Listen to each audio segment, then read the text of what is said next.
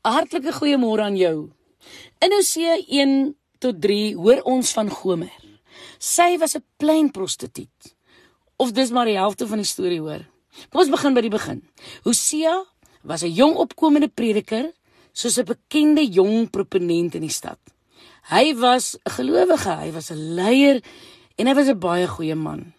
En soos met jong predikers het Hosea ook aan trou begin dink.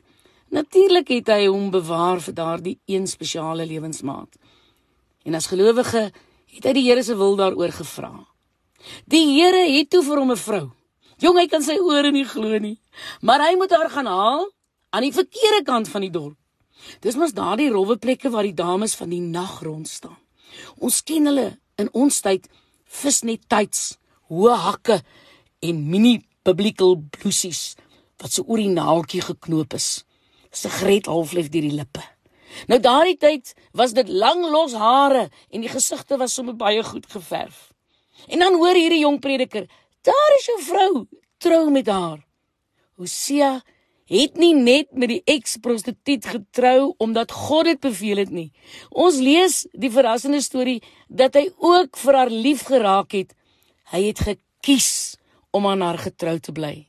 En daarom vertel Hosea en Gomer se liefde ook vir ons storie. Dit is van God se liefde vir sy volk, die wat aan hom behoort. Hosea se lewe met sy vrou raak 'n storie binne 'n storie. Dit vertel van God wat hom losmaak want sy volk was ontrou. Israel wat weer en weer weggeloop het, net soos Gomer van Hosea af.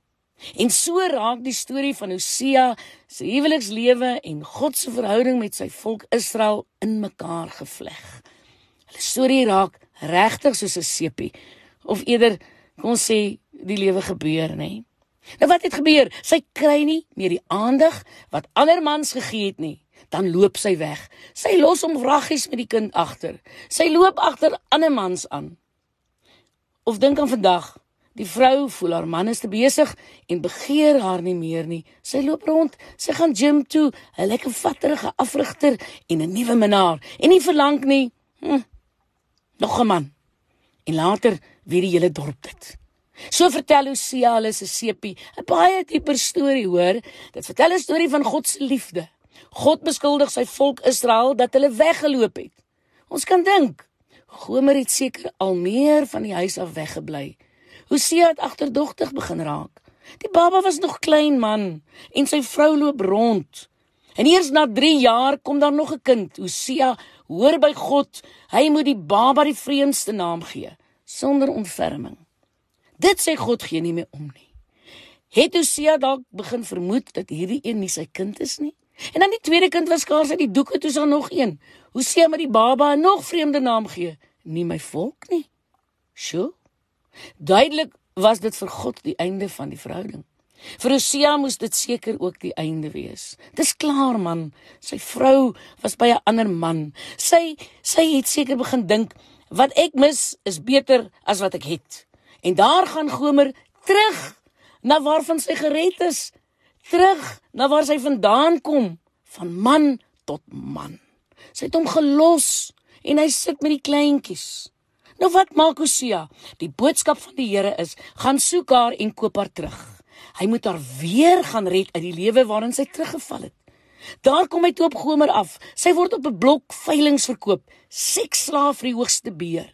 En hier is Hosea nou, hy koop 'n vrou wat so laag gedaal het.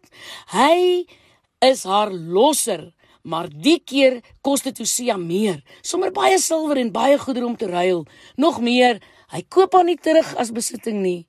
Dit sou mos eintlik die regte ding gewees het van daardie tyd. Hy is haar losser. Hy kan met haar maak net wat hy wil. Maar sy boodskap is: ek koop jou nie as slaaf nie, maar ek koop jou as my vrou. En nog meer, hy gaan haar nie dophou nie. Hy verbind homself eerder aan haar. Van sy kant af gaan hy getrou wees. Hy gee eers juis wat hy van haar verwag, hulle nuwe lewe. Hy verwag dat sy van ander man sal wegbly. Hy sal ook nie rondslaap nie. Hy koop haar terug want hy het gekies om vir haar lief te wees. Hoe mooi is die storie nie. God se liefde vir ons as sy volk. Hy vergeef ons keer op keer want hy lief ons. Ek is Lenet Beer vir Radio Kansel.